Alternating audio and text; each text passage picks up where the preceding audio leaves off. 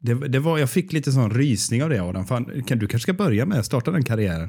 Fysiskt krispig. Nej, så ja. Nu mår alla lyssnarna så jävla bra.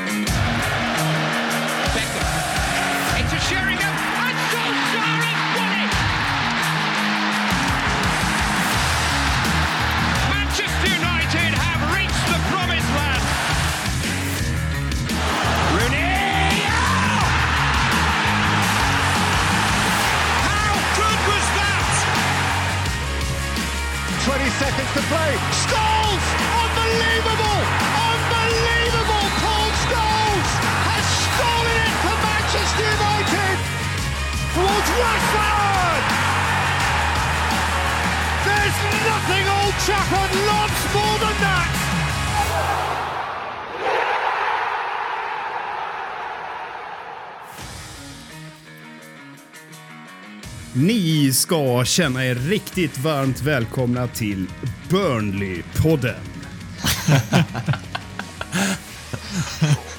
Nej, vi, vi är väl faktiskt fortfarande ändå United-podden. Podcasten som du inte visste att du längtade efter. United-podden görs i ett stolt samarbete med både den officiella supporterklubben MUS och United-redaktionen på Svenska fans. Ni hörde Micke där i början. Mitt namn är Adam, men något roligare information är att Mackan som vanligt är redo att lacka ur på precis allt och alla. Vi måste. Jo, då, det, det mås ändå, det mås ändå okej. okej. Men eh, som du säger, jag har, eh, jag har laddat eh, batterierna här och är, är fullt förberedd på att såga. Så ja, det blir kul. Motorsågen är startad. Det, ja, den håller på att laddas upp här i bakgrunden, men snart är den nog igång för fullt. Mackans motorsåg går på el. Det. Jävla Starbo. ja, ja, hur måste jag annars då? Du har du gjort något kul på senare tid? Mm. Nej du, jag har inte gjort jättemycket eh, som sticker ut från mängden, men eh, restriktionerna släpper ju idag, så förmodligen har jag väl eh, lite roligare uppdatering nästa vecka. Får vi hoppas på. Skoj, skoj. Har det märkts av någonting tycker du då? Idag, Mm. eh, du, jag har fan bara suttit inne och jobbat hela dagen, så jag är inte rätt person att Nej, eh, då går vi vidare här då. Micke, du ställer alltid upp när Gustav får förhinder och är tillbaka för andra veckan i rad. Hur är läget borta i huvudstaden? Ja, men det är ju fantastiskt såklart. Eh, ja, det känns bra att hoppa in eh, igen faktiskt. Så att det börjar bli en vana där. Så vi får se om vi, om vi, vi tar med Gustav någon mer gång. Jag vet inte vad, vad ni säger. Men, men Nej, det eh, kommer omröstning snart på det va? ja, det känns som det är läge att pressa fram det.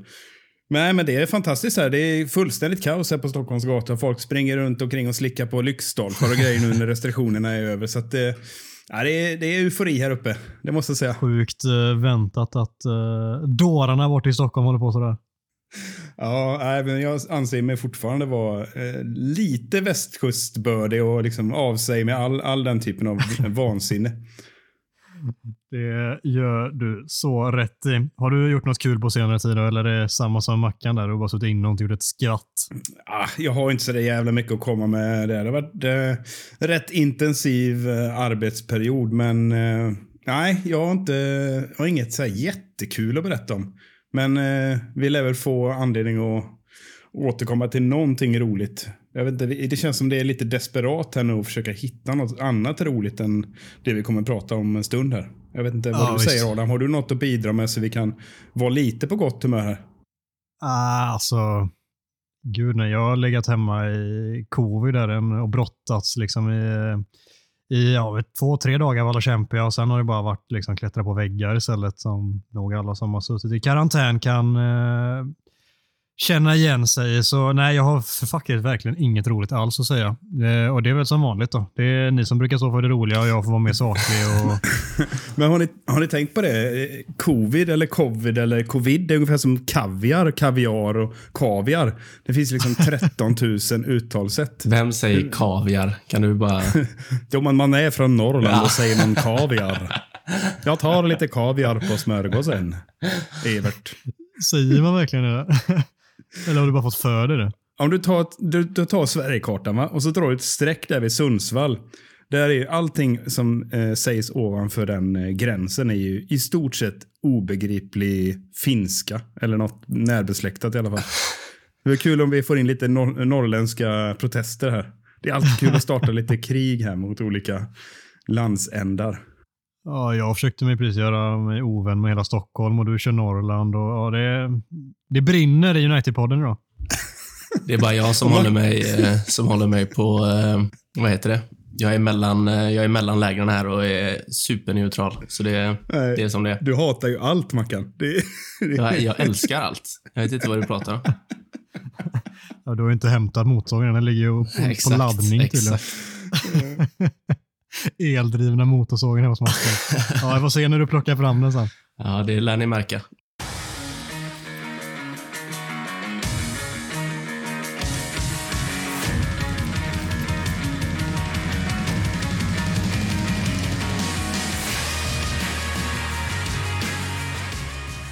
United misslyckades att vinna ännu en match där man var bättre än sin motståndare och det var det för andra matchen i rad. Det blev eh, 1-1 efter en 1-0-ledning igen och eh, det var djupt frustrerande. Eller vad säger du Micke? Ja, alltså det, det finns ju inget annat ord att använda. Det var... Eh, för min del var liksom... man borde ju vara luttrad, det säger alla, så fort man är upprörd över Manchester United. Men jag, jag var uppe och vände på såna sjuka frustrationsnivåer. Så jag, var där, jag stängde av flera gånger och bara gick iväg och bara skrek för mig själv. Precis som jag var okontrollerbar tonåring helt plötsligt, igen. Så jag, jag var helt tokig på, på, på att vi liksom valsades in i det här jävla Burnley-tempot och spela rugby och rulla runt i gräset och hålla på. Hur fan kan vi tillåta oss själva att hamna på den nivån? Alltså, det, var, det gjorde mig mest frustrerad. Det är så jävla konstigt också, för vi gör en väldigt bra första halvlek. Det, det ska vi inte ljuga om. Jag tycker den är väldigt bra. Särskilt med tanke på vad vi har sett också under längre tid. Det kanske blir att man värderar den ännu högre då, men det är en bra halvlek och så här studsar det lite, lite rätt, eller vi har lite, lite rätt med domsluten, så har vi 3-0 i paus och matchen är helt avgjord. Liksom. Men så som du säger, andra halvlek, vi faller in helt i, i Burnleys eh, sätt att spela, i deras tempo. Då, så här, det finns inget lag i ligan som är bättre än Burnley på just det. Då slår vi dem ju inte, så är det. Och det blev vi tyvärr väldigt illa eh, medvetna om. Vi gör som vanligt att vi kliver in i veckans macka så får vi riva av den och så tar vi helt enkelt avstamp därifrån sen. Härligt, härligt. Ska jag hämta motorsågen eller ska vi börja i den eh, positiva ändan? Ja, vi börjar i den positiva va? Jag orkar inte grina än. Nej, men det, jag börjar högst upp då och det, det finns väl egentligen bara en spelare och det är Jadon Sancho. Jag tycker att han eh, var Uniteds överlägset bästa spelare. Det, den enda som kunde egentligen utmana om det var väl eh, Paul Pogba, men jag tycker ändå Sancho är vassare överlag. Eh, visar att han är att han är en kvalitetsspelare och alltså jag kan inte komma på egentligen något, något han kunde ha gjort annorlunda eller om han hade gjort så så hade det blivit ett annat, eh, ett annat resultat. Utan han gör det mesta, mesta rätt och eh, bidrar framförallt tycker jag, med sin smartness som vi har varit inne på här. Att han är en annan typ av ytter än eh, de andra vi har. Eh, och det tycker jag verkligen han visar. Både igår men även i fredags mot Middlesbrough. Så nej, det är kul att se att han, att han tar kliv för det, det behöver United.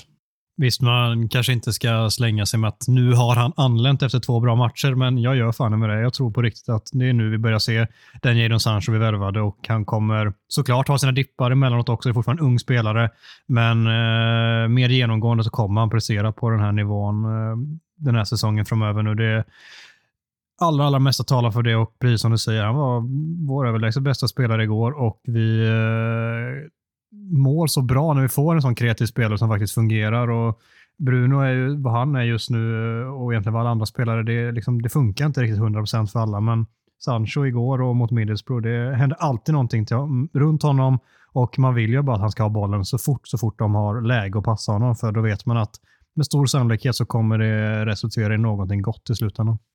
Vi kastar in en skön referens här då. Jag fick ju en bild framför mig när jag såg Sancho spela igår. Framförallt tycker jag han var ännu bättre igår eh, än vad han var i fredags. Men eh, ni vet sådana här gamla eh, pilsnerfilmer från eh, ja, men typ 20-30-talet när det är någon sån här röst bakom säger året var 1922, mannen på bilden är Jadon Sancho. Men det, är inte det jag vill säga, att han, citera Hans Villius här, som han faktiskt heter, utan eh, det är mest att ni vet de där filmerna som visas från den tiden brukar ju gå ganska fort. Känns som det är typ en och en halv gånger en eh, verklig hastighet. Och det tempo tycker jag Jadon Sancho spelade igår. Där trillade poängen ner om ni, ni missade den då. Men han, Det var en eh, lång väg dit, men ja. snyggt. Ja, men det känns som att vi var tvungna att hämta oss bak i 20-talet för att beskriva det. Men det känns som att allting han gjorde gick fort. Och han eh, kändes jävligt oberäknelig, kunde gå åt bägge hållen, eh, varierade jättemycket i sitt spel. Det enda felet var att det var för få lagkompisar som var spelade på samma nivå. Verkligen. Det var ju en situation där eh, i andra halvlek där han gjorde precis vad han ville på vänsterkanten och stod för en otroligt läcker tunnel också i slutändan som resulterade i stående ovationer i, eh, i min och Mackans soffa som, som vi kollade på matchen ihop igår kväll.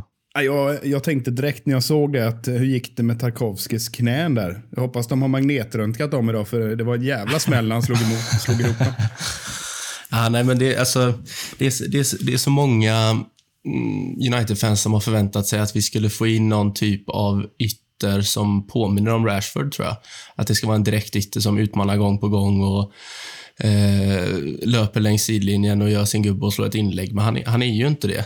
Och Jag tror att det verkar ändå som att många har förstått vilken typ av spelare han är nu. Han lever ju inte på sin snabbhet och teknik lika mycket som han lever på sin på sin spelförståelse och eh, sin passningsfot. Liksom. Så eh, Förlåt, för, jag vill inte jag ska släppa iväg det vidare, men han är så otroligt bra på att sammanlänka med spelare. Och när de förstår honom och han förstår dem så eh, blir det så otroligt bra det, måste, det måste jag också säga innan, eh, innan vi går vidare till vem som är näst bäst. Jag vill ändå höja, höja ett litet positivt finger för Luke Shaw också. Jag tycker att hans första halvlek var, eh, var riktigt bra. Eh, och där, där gjorde ju Sancho honom bättre också, ska sägas. Men det, det var kul att se att han, han kom upp i någon typ av nivå som vi inte har sett jätteofta från andra den här säsongen. Verkligen, verkligen. Vi satt ju och sa det igår att eh, Luke Shaw har verkligen börjat steppa upp på sakteliga, för han har ju varit alltså, stora delar av säsongen snudd på klappusel. och helt plötsligt så började det ändå trumma igång lite sakta där nu de senaste matcherna och igår första halvlek var han ju, han var väldigt bra.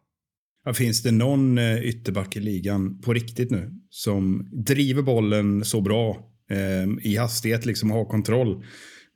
Robertson och Alexander Arnold, de spelar inte riktigt det spelet när, när eh, Shaw tar tag i bollen och ja, ni vet vad jag menar, han ger sig av de här 30 meterslöpningarna snett in i plan lite grann och skaffar sig eh, och får han alternativ då så är han ju, går han alltid, fortsätter han alltid rakt fram i straffområdet. Precis som han spelade innan knäskadan, eller benbrottet menar jag. Det är, man älskar ju att se den där eh, varianten av Luke Shaw. Verkligen, verkligen. Mackan, nummer två. Ja, men det, det är som jag sa innan, det är målskytten som, eh, som får andra platserna. Jag tycker att hans eh, första halvlek är mm, ruskigt bra. Eh, fint avslut på målet. Ehm, bidrar mycket i defensiven, vinner mycket boll, mycket nick, luftdueller. Ja, alltså bara en riktigt bra första halvlek. Sen, sen blir han ju sämre i andra halvlek, likt resten av laget. Men näst bäst var han ändå, tycker jag. Ja, men det, det köper jag. Jag älskar sättet som han är så... Och, ja, men han är typ...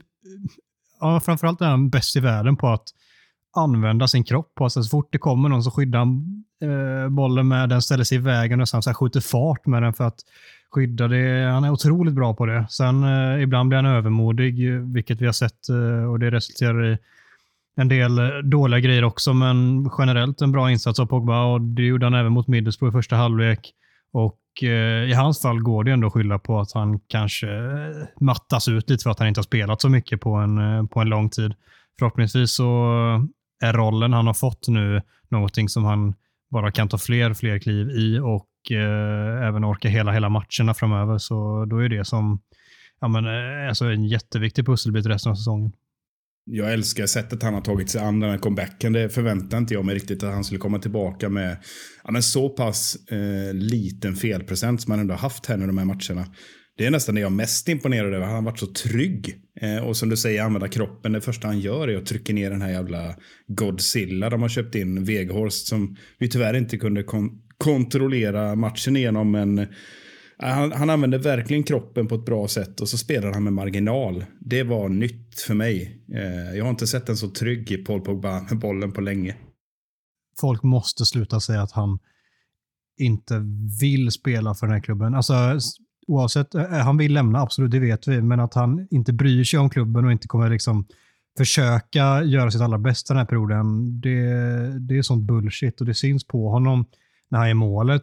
Alltså att det, glädjen i det och ja, det går att vända det till säga att jag är klart han blir glad för att göra mål och han kommer få ett bättre kontrakt av det och allt det där. Men sluta vara så cyniska. Han, mm. Det är en spelare som verkligen brinner för den här klubben i grund och botten. Sen kan man säga vad man vill om hans sejour i klubben och om han borde lämna eller inte. Det är en helt annan diskussion. Men kommer inte att säga att han inte bryr sig, för det gör han. Och det ser vi i andra halvlek också när han försöker ta sig loss och han blir riven i armen. Han blir så förbannad så han sliter av sig vanten och kastar den i backen. Det, det är en spelare som bryr sig. Det, det, är inte där problemet ligger. Det ligger på andra håll. Liksom.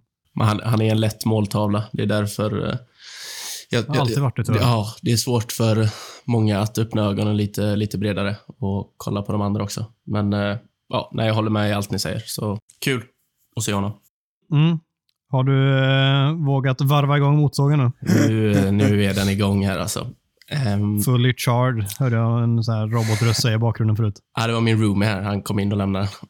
Um, nej, men uh, vi hade ju några, några utmanare till, uh, till sista platsen här. Uh, jag, jag har faktiskt jag har växlat lite fram och tillbaka under dagen. Scott, Scott McTominay var, var svag. Harry Maguire var ruskigt svag. men jag tycker att Edinson Cavani är sämst på plan igår. Jag, jag, kan inte, jag kan inte komma ihåg en enda positiv sak han gör under sina, vad fick han, 65 minuter eller något sånt där. Jag, jag, kan inte komma på en enda sak som han gör som är bra. Han missar upp ett mål från en halv meter. Han, eh, det är felpass på felpass, det är dåliga touch. Han ser bara så jäkla oskarp ut. Så, eh, och det är tråkigt, för jag gillar honom i grunden, men just nu, jag vet inte. Jag vet inte jag vet inte vad han gör på planen just nu. Det är ruskigt svagt, gång på gång. Så han får sista platsen av mig. Du väger att alla hans aktioner är svaga tyngre än till exempel Maguire som står för ett uh, misstag som faktiskt kostar oss poängen i slutändan. Ja, alltså det, det kanske är dumt av mig, men eh, jag, jag tycker ändå att han... Alltså Maguire var inte, då, han var inte bra heller, liksom. men Cavani bidrar med noll i offensiven. Ja, ja, han bommar ju också en nick som vi absolut inte vet om det hade dömts bort eller inte, för det var fan med på, eh, på gränsen det där.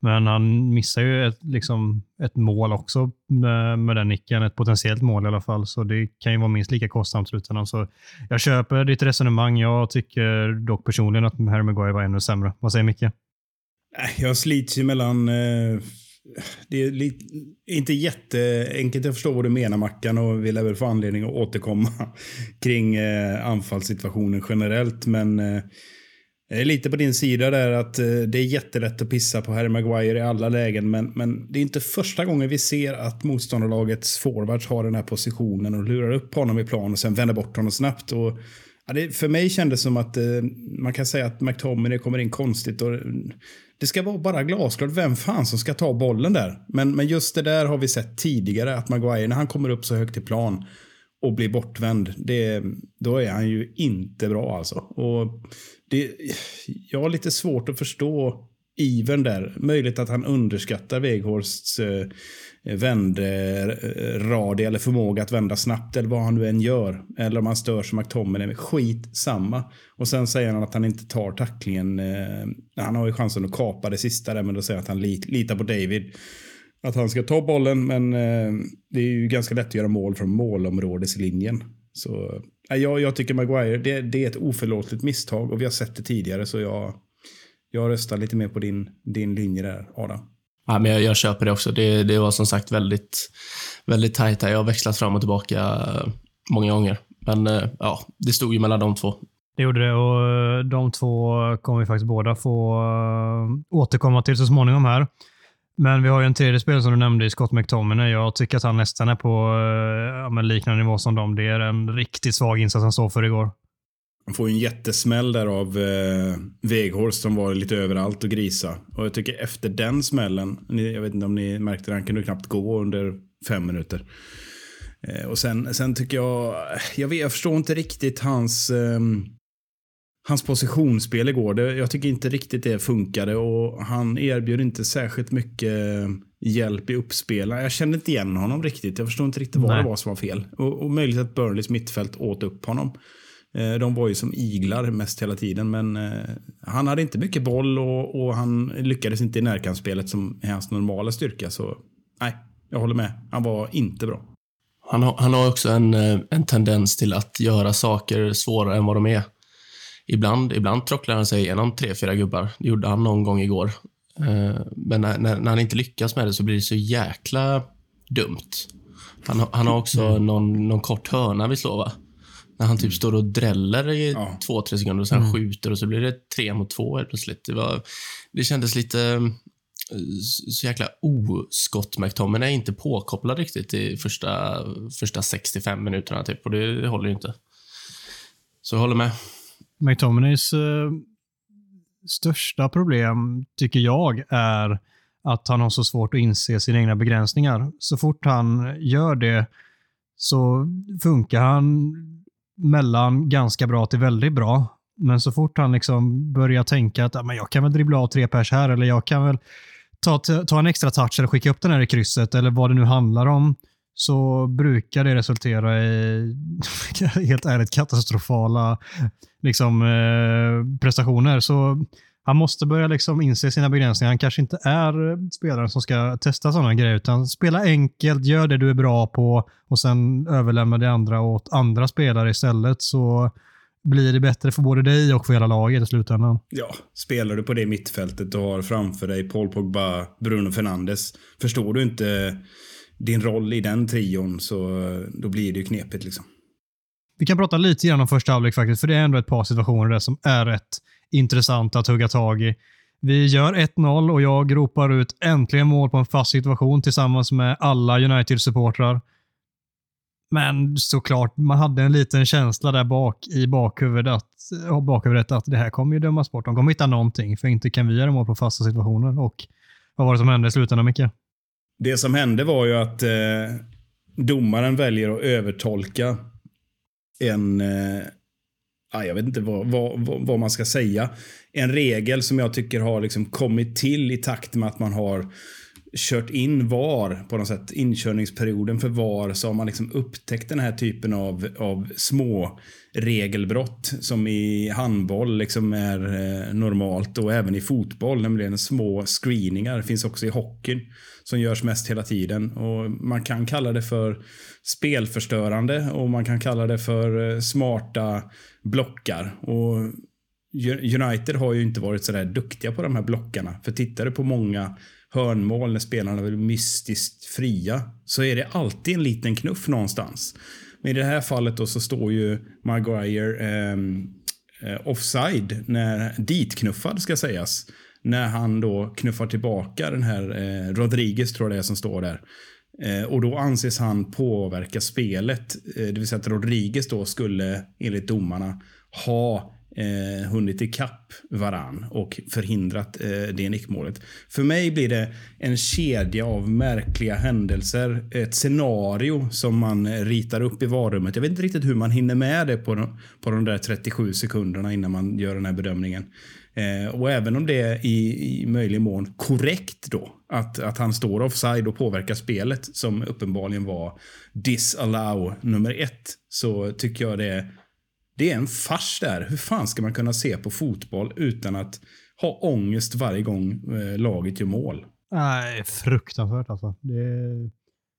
Nej, vi, någon dag ska vi ta en, ett extra grepp om VAR-diskussionen igen. Det var ett tag sedan nu som det, var en uttröttad eh, diskussion ett tag som många släppte och även vi, men nu behövs det nog fan med att tas upp igen. Alltså för helvete vad det är inte går att kolla fotboll när det är så här. Alltså, det är fruktansvärt irriterande. Det är klart att vi brinner lite extra när det går emot vårt lag, men eh, det är bara att titta på random fotbollsmatch och eh, man eh, får det smärtsamt tydligt framför ögonen varje gång. Det som Maguire gör här sker egentligen på alla mål på fasta situationer. Den här gången valde de att granska lite extra och så dömer vi bort det här målet. Det, jag säger inte att de gör det för att det är Manchester United, så det sker för alla lag emellanåt. Det är bara att det är så fruktansvärt frustrerande när det väl sker. För det, det är som du säger Micke, det är en sån liten grej som sker så ofta. Det är, ja, enligt mig, inte spelförstörelse när det sker så lite. Det är knappt som att han ens vet om vad han gör där med Maguire när han på något sätt ska försöka ta sig tillbaka in i, i klungan igen. Jag, jag köper inte de som säger att han står och säger att det är spelförstörelse och att det är korrekt, även om det kanske är korrekt då enligt regelboken om man ska gå liksom 110 procent och nagelfara den. Det är, det är jävligt tråkigt att se när vi får fotbollen på det här sättet. Och eh, Det hade jag ärligt kunnat säga om det var liksom andra lag som spelade så också. Det, det är bara tråkigt att se. Vi vill se mål liksom. Det jag stör mig på mest med VAR, utan att grotta ner oss för mycket i den diskussionen, det är, ju, det är ju bara att det är så jäkla inkonsekvent. Liksom. Man ser inga linjer i det för fem öre. Eh, med det sagt så, eh, så, är det, så är det väl korrekt om man nu ska granska det, det målet eh, in i det sista. Jag tycker ju att det andra målet är bra mycket värre. Liksom. För mm. det är linjedomaren som tar det, men han tar det tio sekunder efter det har hänt, vilket mm. betyder att han är jäkligt osäker på det. Och om du då är osäker på det och har VAR, vad fan vinkar du med flaggan för då? Det, det störde jag mig mer på än det första målet. Så eh, nej, det är ja, domarhaveri efter domarhaveri. Man ser, det efter, man ser det varje match och det är VAR inblandat nio fall av tio och annars så är det någon engelsk tomte eh, som inte riktigt vet vad han sysslar med. Och det eh, ja, nej, ni vet vad jag tycker om domare. Så eh, ja, det, det är bara jobbigt att ta sig igenom misstag efter misstag. Liksom. Jag bryr mig normalt inte över, över domare överhuvudtaget. Jag är, jag är ganska sällan irriterad på dem. Men, men eh, jag tycker det blir så jävla tydligt nu med de här två situationerna. Jag håller med dig, den andra är värre med någon slags innebandyregel. Pogba försöker gå på bollen. Eh, det är en kamp om positionen. De håller i varandra. Pogba är större än om det nu är Peters eller vem det är han kampar med där. Jag ser inte. Om det, eller Ben Mi. Och så går bollen över.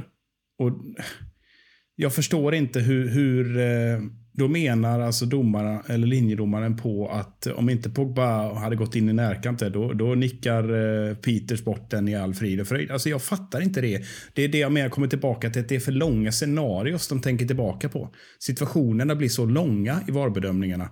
Så att snart så kan de ju spola tillbaka 20 minuter och påstå att det var en hans i 19. Alltså jag, logiken stämmer inte och då, då stämmer jag in i din klagosång Mackan. Då blir jag fan galen på det. Vi slår bara fast helt enkelt att varannat mål kommer dömas bort framöver. Det, det är så det funkar. Förutom när Middlesbrough spelar då. ja, ja, de får mål till skänks istället. Så är det.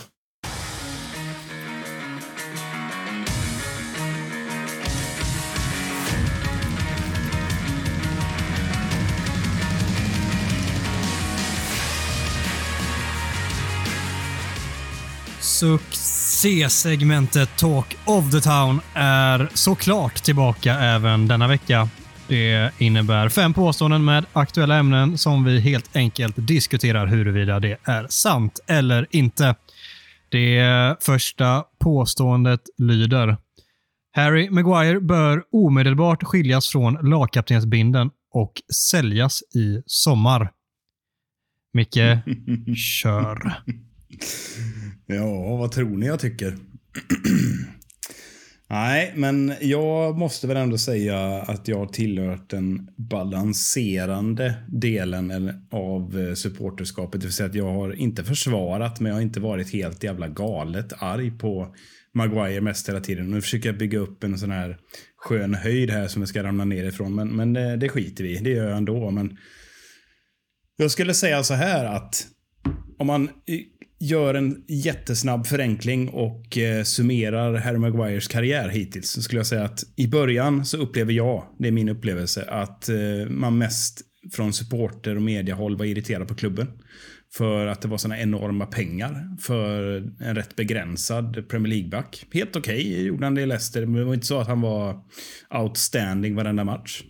Och sen, eh, och då fick Lindelöf den skiten på sig att det var han som var den svaga. Och Maguire var en engelsman och, och lagkapten och allt vad det innebar. Stort förtroende etc. Och sen eh, när förra säsongen då, när Maguire verkligen gör en kanonsäsong som vi har varit inne på flera gånger och, och de flesta säger det, att han är, han är riktigt jävla bra och framförallt blir han ju erkänd när han gör ett bra mästerskap med England. Då började, var ju kritiken redan igång när han gjorde några missar och sådär. Och eh, då höll inte jag med, då tyckte man var lite elak. Men i år då, när vi kommer till, till när det verkligen har gått åt helvete, då har ju liksom allting rasat ihop och det har vi redan diskuterat så många gånger. Men om man summerar detta då så skulle jag säga så här, utifrån prislapp, utifrån prestation hittills, med egentligen bara en säsong när han har presterat på den nivån som han kan. Så skulle jag säga att i det här läget man är i nu så måste man göra en förändring. Man måste byta kapten nu. Det funkar inte. Det måste ske någonting. Någonting måste hända, måste röra sig om. Det kanske är nyttigt för Maguire att kunna fokusera på sin prestation istället. Eh, och konkurrera. För det kommer han få göra nu när alla är friska. Så jag skulle säga att ja, plocka av binden omedelbart och eh, sker det absolut ingen förbättring, det bara fortsätter så här. Då tror inte jag han blir kvar om det kommer en ny tränare. Jag har väldigt svårt att se det och då kommer vi göra en som vanligt då, som Macka brukar säga, en brakförlust på den, på den investeringen. Så att jag landar i ett solklart ja. Jag eh, har ju varit den som kanske nästan mest har försvarat honom och jag har på senare tid börjat ännu mer bara trilla över på andra sidan, vilket jag så sakteliga har gjort med tiden, precis som alla andra. Det går ju liksom inte att här, sitta där envist och tjura i ett hörn och stirra in, stånga sig blodig liksom, mot en betongvägg när man ska försöka försvara någon som inte går att försvara. Det, med det sagt så tycker jag ändå inte att det är värt att plocka bort binden, för jag tror bara att det skadar mer än vad det hjälper i det här fallet. Men att sälja i sommar, absolut. Det, jag börjar landa det också. Det är så här, oavsett så ska han inte vara ett eh, första val i Manchester United nu. Det, så långt har det gått. Han kanske repar sig och, och gör helt plötsligt en bra säsong igen, men det är för opolitligt för att man ska våga liksom ge den chansen till, eh, till honom nu. Han har haft så många chanser på sig att rätta till det. Han har börjat spela lite bättre och sen så kommer en sån här insats. Det, det är för opålitligt för att lita på det långsiktigt. Där, eh, där är jag ändå tillräckligt långt gången att jag kan landa i det, men jag tror att det skadar mer att rycka binden här och nu. Då är det bättre att mer att han inte är något första val och så får typ Bruno då ha binden de matcherna som Maguire inte spelar. Men jag tror att man gör ett större spektakel än vad som är nödvändigt av det om man plockar binden nu. Det är, som jag sa tidigare, jag tror att det skadar mer än vad det hjälper faktiskt. Där, där är jag ändå med dig Adam. Jag, jag tror att det hade blivit lite Aubameyang, Arsenal situation kring att plocka binden bara rätt av eh, en spelare i din trupp mitt under brinnande säsong. Jag tror, jag tror också det skadar mer än vad, vad det hjälper just nu. Ehm, men sen är det ju, det är ju svårt att... Alltså, jag har ändå försökt försvara honom ibland och jag... Det, det börjar bli jäkligt svårt alltså, för han... Det är så lätt att gå på hans storlek och hur han rör sig på planen och sånt, men det är fan tragiskt alltså jag, jag vet inte. Alltså den situationen där han river ner Rodriguez går. Det är tajmingen i hela den, i hela den sekvensen med Maguire är bara... Det är ju typ division 3-nivå. Och det, det är så konstigt att han kan blanda så pass ändå stabil nivå på den högsta nivån med alltså, så låg kvalitet så det finns inte. Och då är han ändå lagkapten i en av världens största klubbar och det nej, det, det duger inte. Ehm, fasa ut han ur startelvan. Jag tycker inte att han förtjänar att starta just nu. Eh, och om det finns möjlighet, sälja han i sommar. Jag tycker inte det finns något annat just nu. Men Micke, du tycker ändå att det är värt och lönt att rycka binden under säsongen. Vill du utveckla? Jag, jag, tror det och jag tror att det är fullt möjligt för att det, trycket är hårt nu. Och Alternativet som vi alla vet är att Bruno Fernandes plockar upp och tar över den.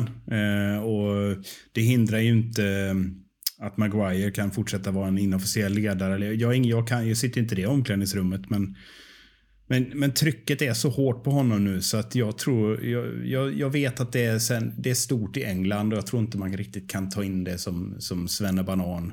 Eh, hur stort det är att vara lagkapten och framförallt inte hur stort det är att vara lagkapten i, eh, i Manchester United. Liksom. Det, det är en, ett jätteuppdrag och just nu så tycker jag det bara är som ett enda stort jävla bojsänke både på, eh, på armen för Maguire och, och för hela klubben. Så att jag blir inte förvånad om, om eh, det blir ett skifte, även om det är väldigt okonventionellt att genomföra.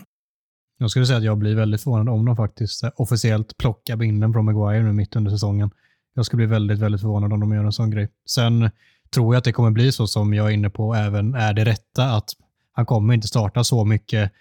Med det sagt så kommer då Bruno eller vem det nu blir, mest sannolikt Bruno, vara den som är lagkapten i de matcherna och så blir det på något sätt ett inofficiellt eh, borttagande av kaptensbinden på Maguire de matcherna han spelar så kommer han ha den ändå, men det kommer inte vara så många matcher.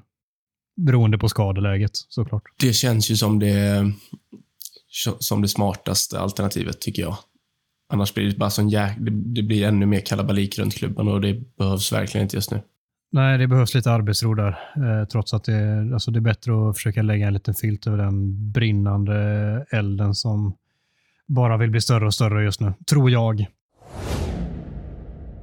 Manchester United har en anfallskris. Varken Cavani eller Ronaldo håller som nummer nio. Och jag vet ju Mackan att detta är ett ämne som du brinner lite extra. Ja. Jag, jag, jag hatar att säga I told you so. Eller nej, det hatar jag inte. Jag älskar fan det. Men... Eh,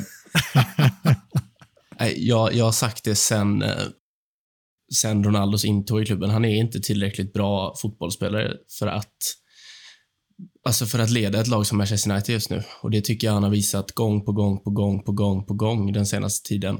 Eh, och då har vi haft eh, en Cavani på bänken som eh, många trodde nog att han skulle komma in igår med lite energi efter att ha fått några dagars vila där efter Uruguay-matcherna.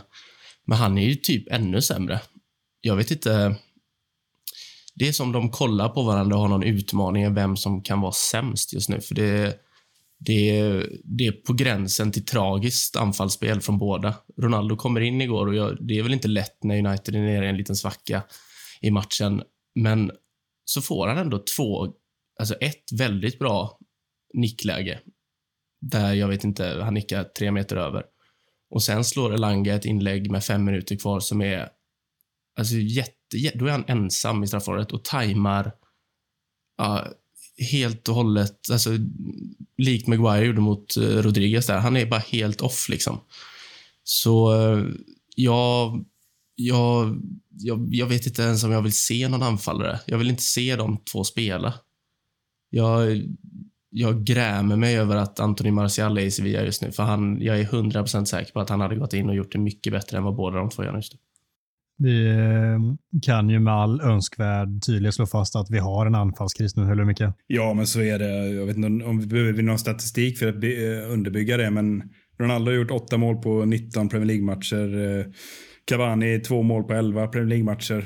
Jag menar 10 mål på 23 omgångar, även om de eh, har varit skadad. Cavani har inte spelat så mycket, men det är ju katastrof för två stycken nior av den digniteten, av den, med tanke på deras karriärer och så vidare. Det är ju uruselt, dels av dem själva, men också att, att laget och spelet, vi får inte ut någonting av deras kvaliteter. Vi har ju sett i år, i höstas var ju Ronaldo vass, liksom, gjorde mål på i stort sett alla sina hundraprocentiga lägen. Eh, och Cavani förra året var ju klinisk liksom, när han fick sina lägen. Men Cavani har liksom kommit helt ur. Eh, han eh, kombinerade jävligt fint förra året och eh, de där, ni vet den där Fox in the box-löpningarna. När fan såg ni en sån löpning från honom senast? Alltså jag vet inte vad han gör. Han, han eh, Han springer och tänker på semester hela tiden. Det är det. Han vill ju spela 45 minuter, sen ska han vara ledig i två veckor. Ja, det är ledsamt liksom, men det...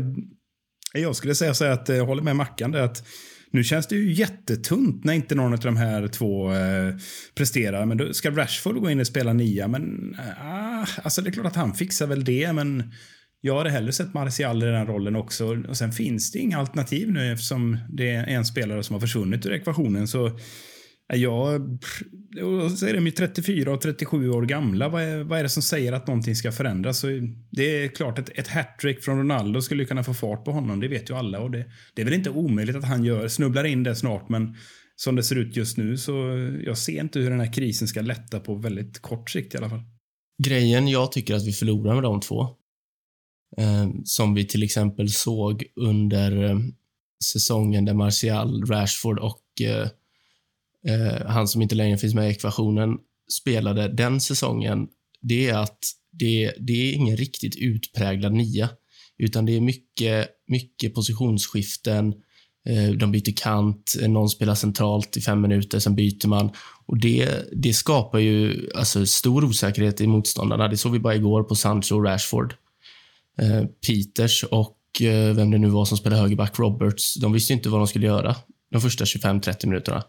Vi, vi, de bidrar inte med någonting. De är statiska, de är dåliga i bollmottagningen, de är dåliga i, i eh, duellspelet.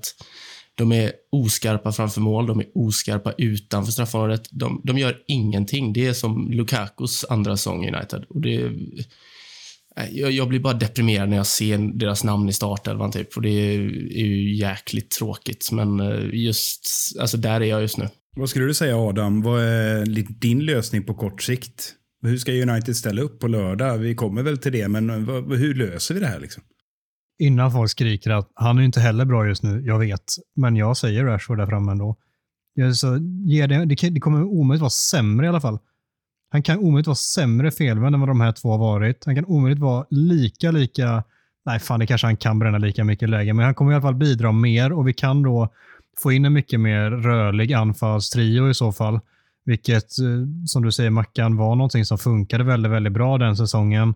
Och som jag gillade då och gillar fortfarande den typen av anfallsspel. Det var många United-supportrar som klagade på det då, så vi måste ha in en riktig nia och, och allt det där. Jag, jag är inte riktigt den som nödvändigtvis eh, förespråkar att det alltid måste finnas en tydlig nia som som har den positionen och står för det klassiska nummer nio-spelet. jag är inte eh, lika nitiskt eh, bunden med en sån spelare i, i, i mina lag inom situationstecken.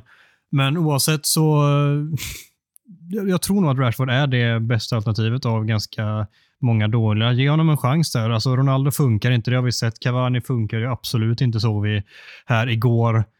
Testa Rashford där, spela Elanga och Sancho på varsin kant. Låt kanske alla tre rulla runt lite emellanåt.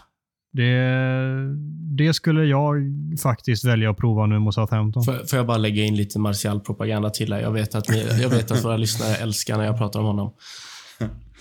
Det, det som han har fått mest skit för är att han ser ointresserad ut och han löper lite. Eh, och ser ut som att han har det lite jobbigt och inte vill spela. Eh, Alltså, Cavani osar ju solsemester på Copacabana just nu. Det är ju allt han tänker på. Ronaldo vet jag inte ens vad han tänker på. Några goa selfies i badkaret eller något sånt. Men alltså, de får ju Martial att se ut som mm. att han lever sitt bästa liv när han spelar för United. Så jag, jag, kan inte förstå hur folk är så...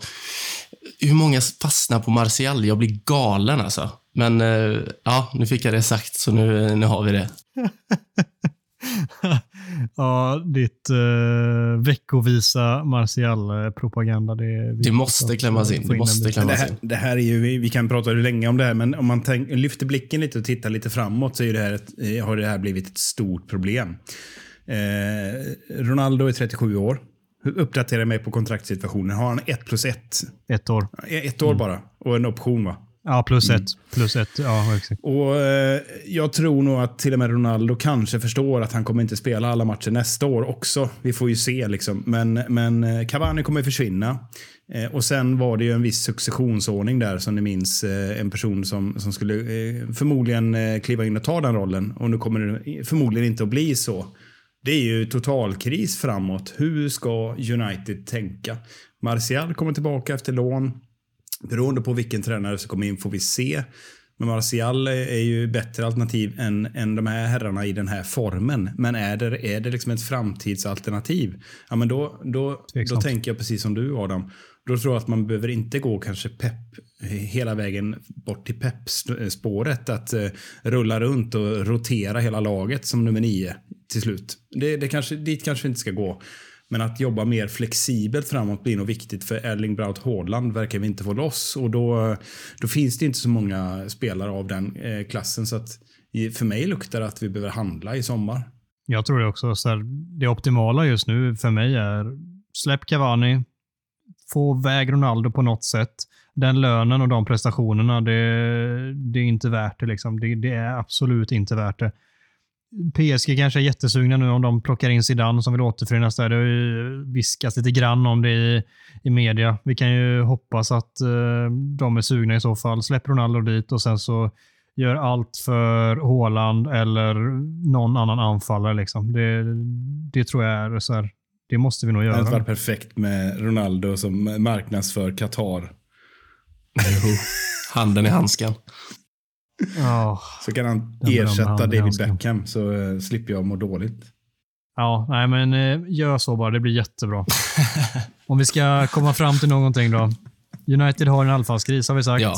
Och eh, varken Cavani eller Ronaldo håller som nummer nio har vi också sagt. Bra, då slår vi fast det. United-spelarna är för dåligt tränade. Orkar bara prestera en halvlek per match. Det är en som vi har fått in från eh, flera faktiskt lyssnare när vi har ställt frågan om eh, vad ni vill höra oss prata om den här veckan många som undrar vad fan det är som pågår egentligen. Varför kan vi bara vara bra i första halvlek och sen i andra halvlek så blir det någonting helt annat? Det är flera som frågat sig, är det fysiken det handlar om? Jag personligen tror inte att det handlar om fysiken kanske, men eh, jag noterar ju också att det är en jäkla skillnad i prestationen från en halvlek till en annan.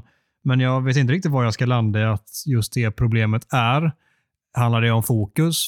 Till viss del troligen handlar det om att motståndarna skruvar om någonting i paus och de märker att de eh, måste åtgärda och United inte har ett svar på det. Kanske mer åt det hållet. Vad säger ni andra? Alltså på riktigt så börjar jag undra om det inte verkligen är så. Alltså åtminstone så har det figurerat siffror. Nu har inte jag dem här, men jag såg någon siffra att United springer väldigt lite, trettonde plats i ligan tror jag. Eh, och det är klart att man kan spela på olika sätt och sådär och vara energisparande. Everton springer väl minst till exempel och så vidare. Så 15 springer mest, något sånt. Nej men, men eh, jag börjar fundera lite att det är inte bara den här masspsykosen som slår in. Ni vet den eh, när Burnley kliver upp och börjar spela Burnley-fotboll och vi har inget svar svar på det. Och sista eh, efter målet så får vi inte fram ett jävla avslut på mål, mer eller mindre. Eh, om, om det bara är liksom en, en stor tyngd att oj, nu, nu tappar vi poäng, vi får inte tappa poäng, vi måste vinna, vi måste vinna. Om, om det bara är det, eller om eh, när man bara står still och spelar, då funderar jag lite, vad fan, spring, spring då. För att ett stillastående försvar, då måste man ju löpa. Och det gör man inte, tycker inte jag vi gör det sista kvart 20 när vi ska ösa, in, ösa på och avgöra matchen. Jag, jag ställer, jag ställer fråg, mig frågande till om eh, Rangnick är nöjd med lagets fysiska status och den här gegenpressen. Som vi, har vi sett någonting överhuvudtaget på det? Det går inte att spela så för vi har verkar inte ha fysiken för det. Eller vad, vad säger ni?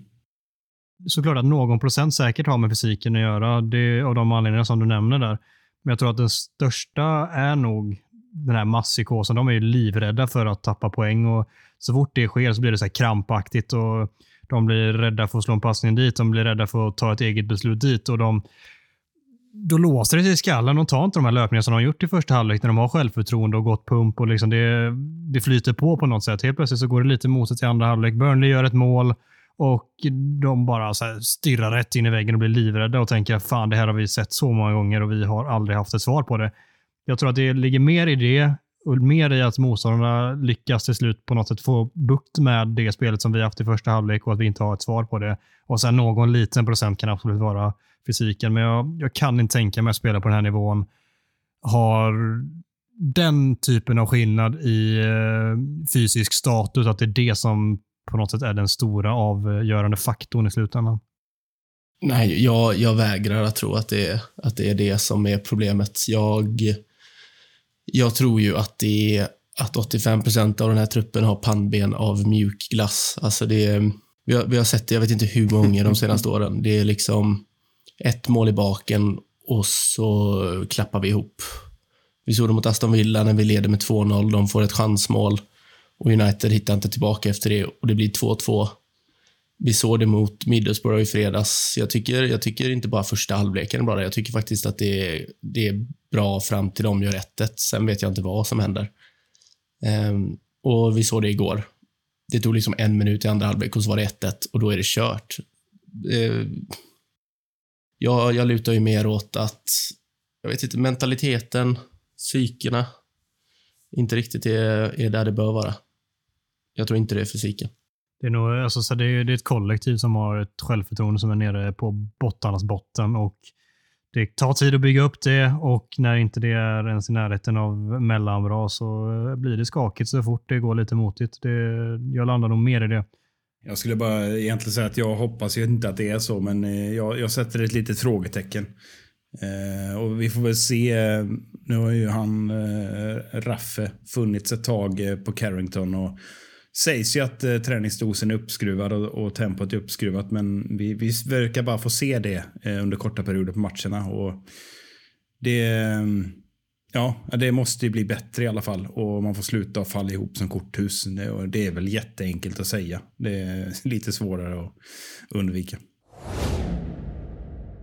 Diogo Dalot är den spelare som har utvecklats mest i United sedan Solskär fick sparken.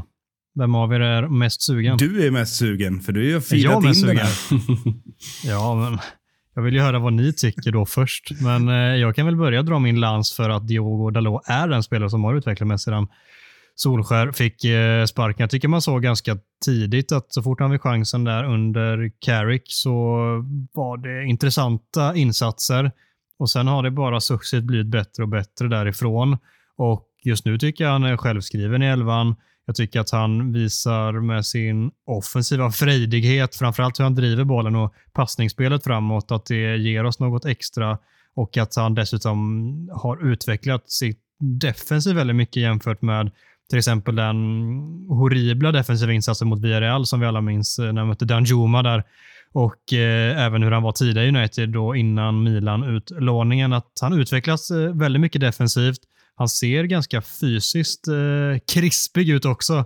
Plus att han eh, då är det offensiva spelet är mycket bättre. Förutom inläggsspelet som i grund och botten är någonting som han tidigare varit erkänt bra på i, i Porto, framförallt som ungdomsspelare och även de matcherna han gjorde i A-laget. Men inte riktigt alls fått till eh, på den nivån som vi kanske hade önskat nu. Det är väl den förbättringsdelen jag ser främst, men jag ser ingen annan spelare som utvecklats mer än honom sedan Solskjaer lämnade och eh, Carrick och Ragnik har gjort sitt därefter. Får jag bara flika in där innan Micke tar över?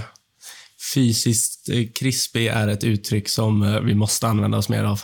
Fy fan vad jag älskar det. är det. läckert alltså. Fysiskt krispig. Så har inte jag blivit beskriven någon gång i mitt liv, men eh, någon gång kanske. Micke ligger Ja. nära.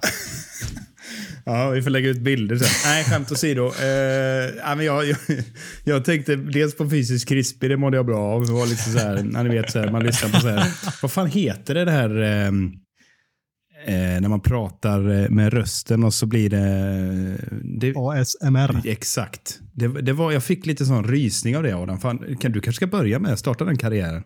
Fysiskt krispig. Så ja. Nu mår alla lyssnarna så jävla bra. Men sen tänkte jag också på en annan grej där med, med inläggen. Alltså jag ser ju Mackan framför sig när han står där på hål 3 och ska dundra iväg sin eh, 220 eh, meters drive och så skajar han bollen som det heter på golfspråk. Det var lite den känslan igår för Dalot. Sjukt att du drar den, eh, den kopplingen. Du ska, du ska se mina drives, Micke. Det är fan inga skajingar här inte. Det är bara Oj, oj, oj. raka Det är många ekträd och tallar som har fått känna på de bollarna. Nej, men jag, jag, jag håller med i, i, i grund och botten där, Adam, att han, han är nog den spelare som har tagit störst kliv.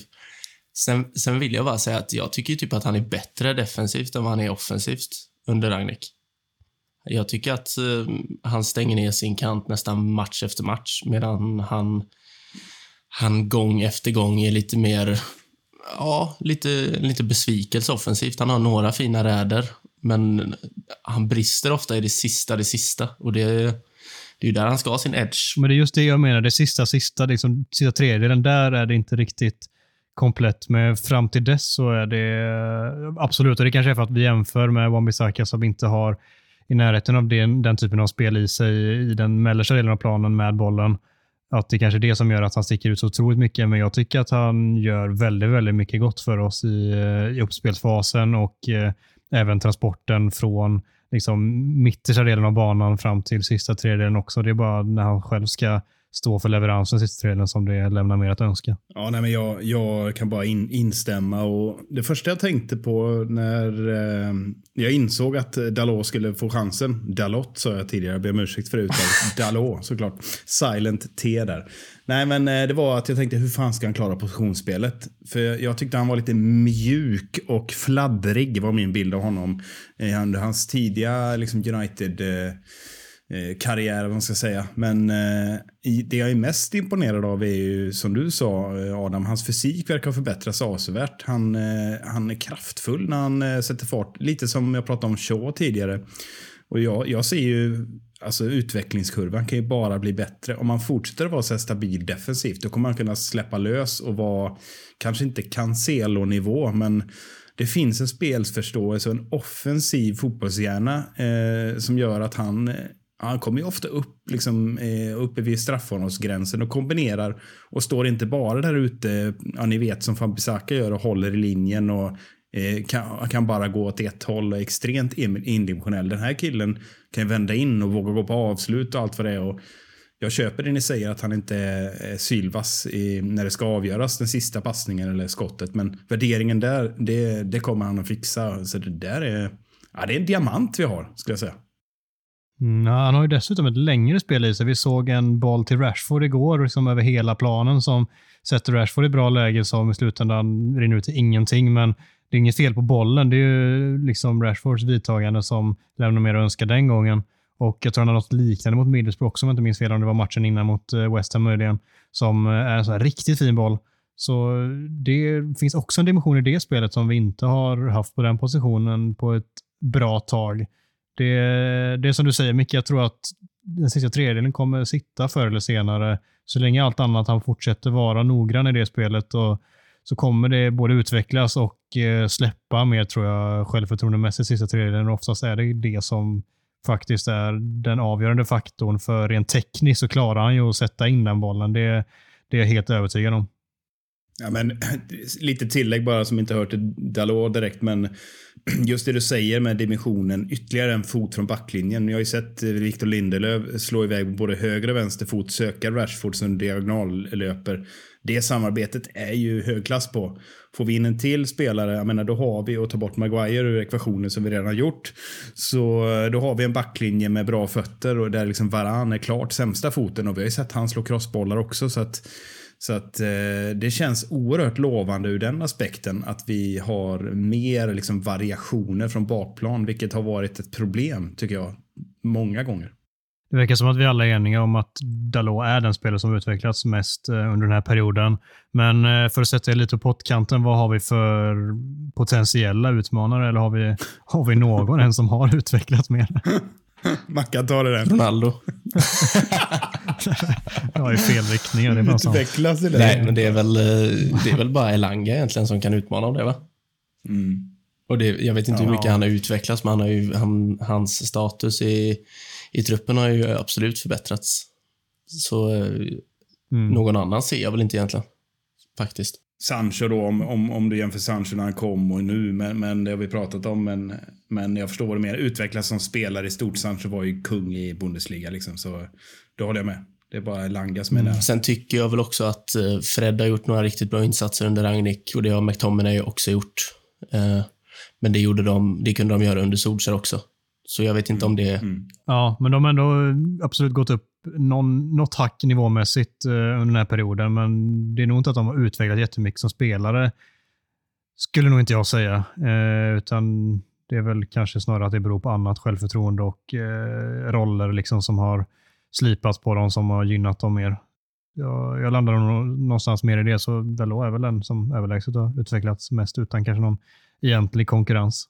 Ja, det, var, det, var inte, det var inte många spelare som utmanade honom om den titeln.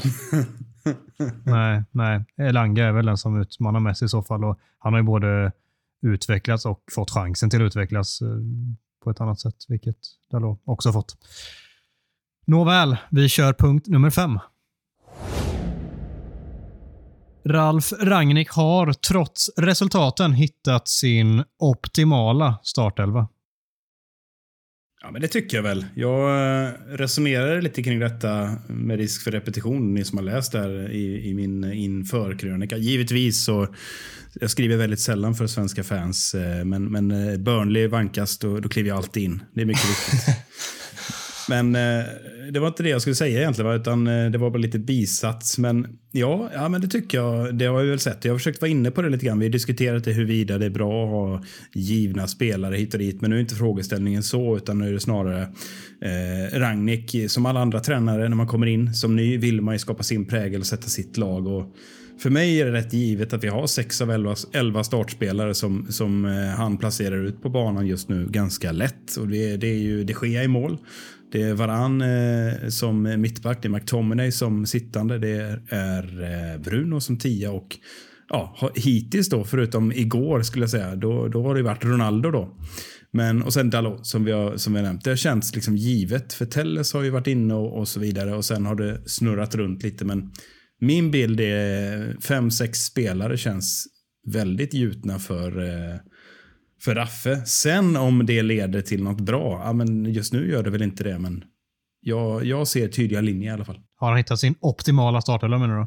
Ja, det skulle jag inte säga att han har gjort, men eh, så tillvida att, att eh, det är allt mer tydligt eh, två delar av truppen, tycker jag. Det, det kanske det har varit, eh, var det under Solskär också, men nu är det en tydlig känsla att det inte det är inte så många som är nära laget på något sätt, känner jag.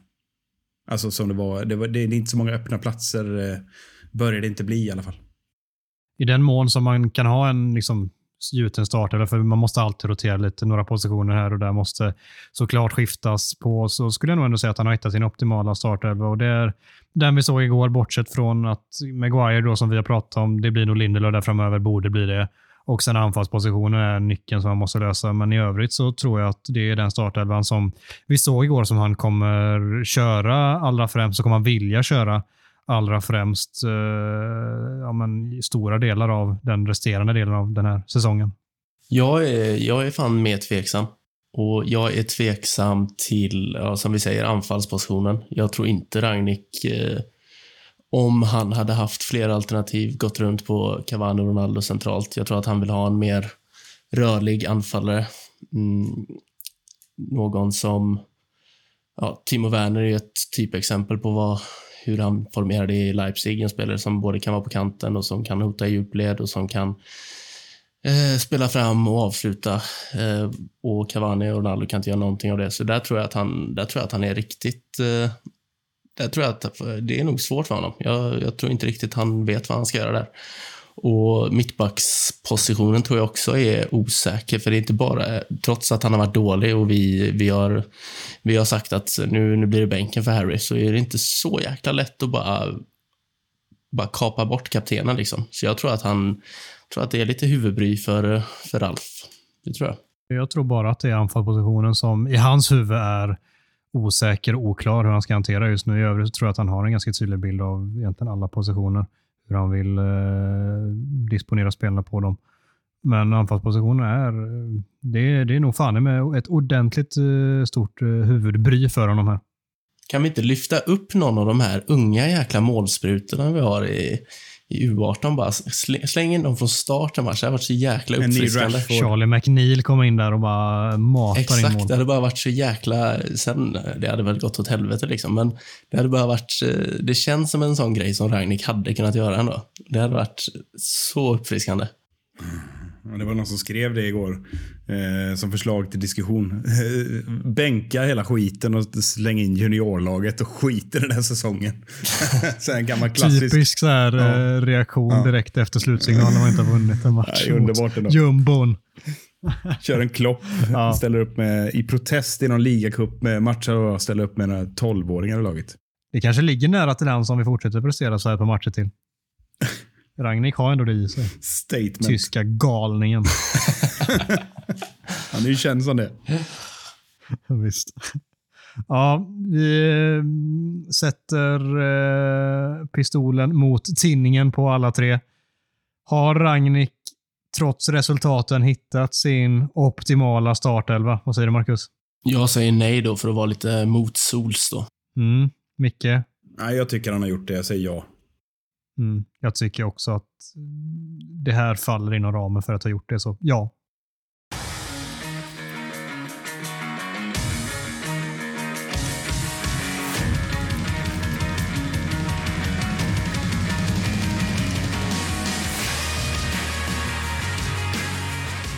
Härnäst ställs United mot Southampton på hemmaplan på lördag klockan 13.30.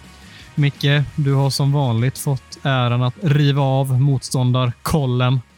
Gör din grej. Ja, men visst älskar man tidiga lördagsmatcher. Sova Nej, ut. nej, det gör man inte Micke. Nej. Jo, det gör man. Gör du Gå det? upp och ta en lite skön promenad. Eh, kolla lite nyheter, softa, ta en kaffe, ladda. Och så är plötsligt klockan 13 där. Och då, eh, ja, jag vill inte, ser väl inte fram emot det just nu, men normalt sett så älskar jag lördag 13.30. Jag är lite pensionär där jämfört med er. Nattugglor. Nej, men vi ska prata lite Southampton då. Nej, men, eh, vi ska faktiskt säga att vi har fått, jag har fått hjälp av redaktion, eh, på redaktionen här. Eh, Gustav Kulle har firat in lite, lite motståndarkoll. Han är ju expert på Southampton om ingen visste det. Så att, dra gärna Dra gärna eh, en massa tweets till honom om ni har frågor om eh, Southampton. Han finns på ett Gustav Kulle.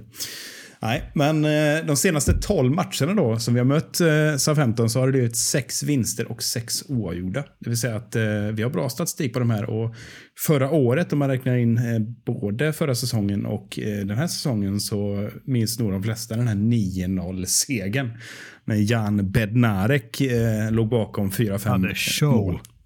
Ja, han var underbar då i backlinjen. Ja, men, det var en underbar match, men eh, 1-1 blev det i alla fall i, eh, i höstas när Greenwood och Fred gjorde båda målen.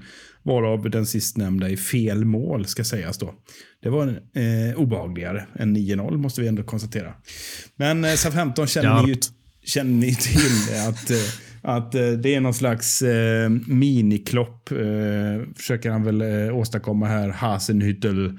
Men de spelar ju rätt varierat och raffinerat så tillvida att de löper mycket, eh, spelar med hög press och är ju ett besvärligt lag att möta. Det är ett hårt arbetande lag som du inte kan spela lite halvsäckigt på egen planhalva för då smäller det bara. Eh, och de, eh, de, det är ett knepigt motstånd för de har ju spelat ut mot Tottenham, det är väl ingen merit kanske, men mot City och så har de slagit West Ham sista veckorna. Så att det är ju ett lag att räkna med, eh, helt klart. Och Det kanske inte är något namn direkt. Eh, vi kommer till namnen, men, men det är framförallt kollektivet i det här 3-5-2 med wingbacks beroende på eh, motstånd eller så kör de ett traditionellt 4-4-2. Och det, ja, det, jag tycker det är alltid lite obehagligt att möta dem. Och ska man då gå in på de spelarna som som vi har valt att plocka fram här eh, att hålla koll på så är ju såklart frisbackspecialisten James Ward-Prowse som eh, är, måste jag ändå säga, helt fantastisk. Alltså. Den spelaren gillar man kraftigt och han eh, har ju spottat in sex mål. Är det väl två eller tre frisparkar av dem. Eh, helt sinnessjuka. Byter taktik också. Bombar in en vrist senast. Det var inte den karaktäristiska Beckham-curlen utan han bara, ah, men jag drar en yttersida i krysset istället då. Och fem assist har han på det så att han tar ju alla fasta och då blir det ju en del poäng men han är ju otroligt bra så frågan är hur länge han blir kvar och vem som tar honom. För eh, det är inte alls dumt kanske norpa honom men det finns fler. Nathan Redmond är en favorit som jag har. Eh, det är en, ska jag säga, forne stortalang är väl att ta i, men han var ändå rätt lovande. Gjorde en hel del mål under u karriären i England och, och har ju varit i sju, sex, sju år här i SA-15 och hunnit bli 27 år gammal. Eh, och han spåddes ju en lysande karriär tidigare, men det har ju stagnerat lite. Men jag ska ändå säga att det här är en, en spelare som är lite mini Eden Hazard när, när han spelade Chelsea. Hazard har ätit bara munkar och röker nu i, i Real och är jättefet. Men, men det här driva bollen i hög fart, göra riktningsförändringar, kunna göra det oväntade, det har han i sig. Och har han sin dag så är han ruskigt besvärlig. Och sen sist men inte minst har vi Mackans favorit, den gamla Barcelona-Chelsea-talangen Oriol Romeo, som du älskar så mycket. Han, eh, han är ju vidrig har vi konstaterat, men han täcker också stora ytor och kompletterar upp eh, eh Ward Prowse där på mittfältet. Och det gör att det här är ett svårslaget lag. Så jag skulle säga så här att Ja, jag har nog aldrig sett så lite fram emot en lördags eh, förmiddagsmatch som jag är nu på lördag. Jag är riktigt, riktigt orolig. Mackan eh, hade till och med Manchester United kunnat göra mål på en fast situation om James Ward-Prowse hade slått dem. Jag tänkte precis säga det. Alltså, vad var det Ferguson sa om Charlie Adam när han var i Blackpool? Bara hans fasta är värda 10 miljoner pund. Liksom. Vad är då Ward-Prowse högerfot på fasta världen är ju värd uppemot 50 miljoner pund. Han är ju helt... Jag har aldrig sett en spelare vara så bra på liggande boll. Alltså, det är helt otroligt. Jag är, jag är livrädd för att, för att möta honom. Varje gång United ska möta Southampton så är det enda jag tänker på. Dra inte på några hörnor, dra inte på några hörnor, ingen frispark.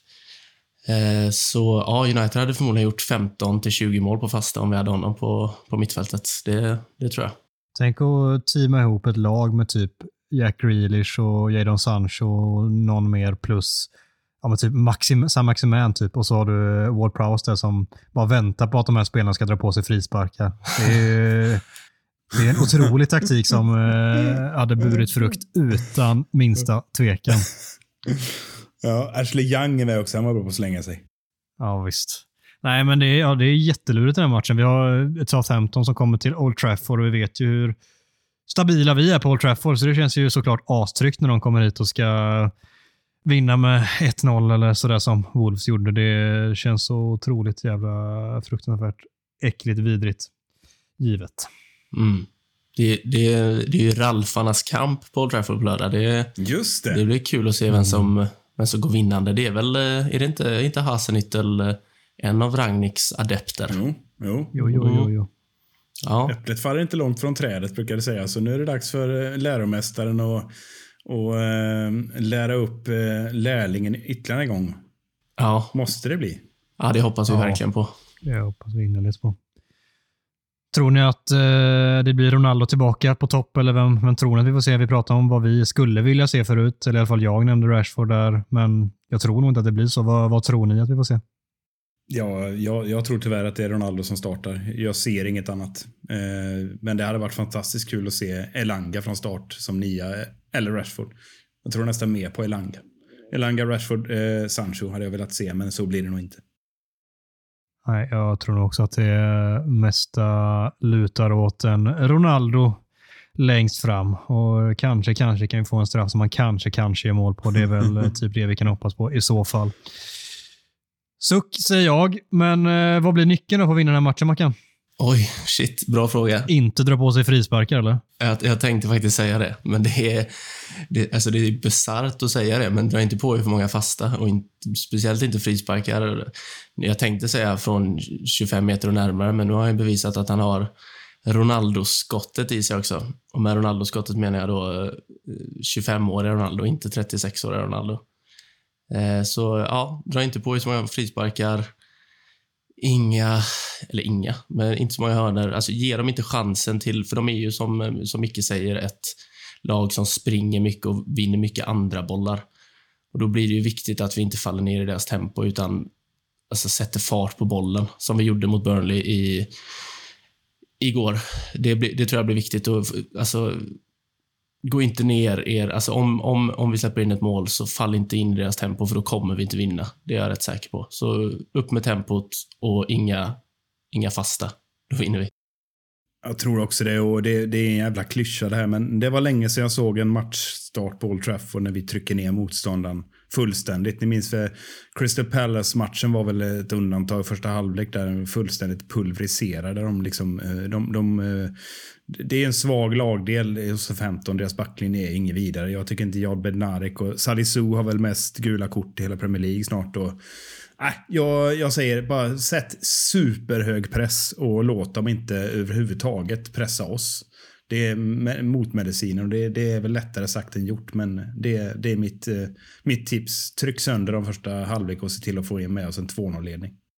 Och ja, ta för i helvete vara på målchanserna för en gångs skull nu. Alltså, gör vi det på de lägena vi skapar, till exempel mot Burnley och mot Middlesbrough, så är det två bergsäkra segrar där i slutändan. Då sätter vi oss inte i skiten där vi behöver få panik i andra halvlek. Gör mål på lägena. Fortsätt spela så bra i första halvlek som vi gjort tidigare. Och sen så kanske vi kan rida ut stormen och bara njuta av andra halvlek för en gångs skull. Det vore ju magiskt gött. Sen vet vi alla att det inte kommer bli så. Men vi kan väl drömma en liten stund och tänka att vi faktiskt gör mål på lägena vi får. Ronaldo kommer inte göra det, men kanske att Sancho, Rashford eller Bruno kanske råkar göra eh, varsitt mål helt plötsligt. har vi 3-0 i paus. Jättebra. Ska vi sticka iväg till en 10-0 den här gången kanske? Drömma får man. Vi får, väl, vi får väl hoppas att han schweizaren som tog rött för Southampton mot United förra året startar. Det hade ju varit... Jankiewicz eller något sånt. det hade varit trevligt. Ja, det känns ganska osannolikt. Men ja, nej, det... det mm, gör mål är mitt grundtips. Det är, Knivskarpa analyser av oss. Bra Inga, inga fasta, högt tempo och gör mål. Då, ah. då vinner man fotbollsmatcher. Så är det. Du sa Glenn där. Hörde, hörde du igår när han körde sina tre synonymer igen, eller? Nej. Han är kvick, han är snabb, han är rapp, drog han igår. Ja, Jag ska beskriva vem det nu var. Ah. Det sker så jävla ofta alltså. Ja, han är skön som inte Jag har lagt märke till det, lyssna noga när han ska beskriva spelare. För var och varannan gång så drar han tre synonymer bara istället. Han är kvick, han är snabb, han är rapp. Det är så underbart. När vi ändå drar in eh, Glenn här då, så måste vi fiska upp ett gammalt skönt minne från eh, Champions League-tiden när han, och Lasse Kink kommenterade. det är så jävla underbart det här. Så eh, givetvis var ju Liverpool på andra sidan. Det var märkligt nog kommenterade han alla matcher som Liverpool spelade. Också helt obegripligt hur han kunde göra det. Lite bojan ibland kommenterar United, men han är ändå balanserad. Du pratar alla om fall. Glenn Hussein nu och inte Glenn Strömberg som jag pratade om innan. Ja, Glenn, nu, aha, nu pratar jag om eh, Glenn Hussein här. Fan, det är olika Glenn. Alla heter Glenn. Skitsamma. Vi tar en Glenn senare då. Strömberg kan, vi kan jag prata om ett helt avsnitt. Men då säger i alla Ja, jag fall... eh, pratade om Strömberg i alla fall. Men kör vidare din story nu för fan. Då säger i alla fall eh, Lasse Kind, ja kan du dra kandidaterna Glenn? För det var ju så på eh, TV3-tiden att man, eh, ni, var, ni, ni fanns inte då. Men, men typ eh, 95 eller någonting så, så eh, skulle Glenn Hysén värpa ur sig tre eh, förslag till bästa spelare typ i den 87 minuten. Och så blir det alltid så ah, kan du dra kandidaterna Glenn? Han pratar ju nästan likadant som Niklas Holmgren Kinch. Så kommer Glenn, åh, åh kandidaterna är, eh, det är nummer, nummer, eh, nah, nummer fyra Gerard, nummer fyra Gerard, nummer fyra Gerard. Han tyckte helt enkelt att Gerard var eh, bäst. Det här var nog kanske inte 95, men det var... Det var eh, och nu ska jag säga att, eh, nu kommer jag ihåg, det var inte Gerard i Liverpool. Utan det, var, det fanns en spelare som hette Gerard i Barcelona. Eller Gerard. Så det, det har ni. Så historien höll inte riktigt ihop här, men han sa i alla fall Gerard istället för Gerard. En eh, två plus-anekdot ändå var mycket. Ja, tack. Ett skönt plus att hade jag hoppats på. Så jag är nöjd med två plus ändå. Ja, vi låter den eh, sanslösa anekdoten avsluta detta, detta avsnitt och så påminner vi er om att eh, följa oss på sociala medier, fortsätta lyssna på våra 2 plus avsnitt och eh, skicka in frågor för bövelen. Det uppskattar vi enormt mycket. Tack för den här veckan så hörs vi igen nästa vecka.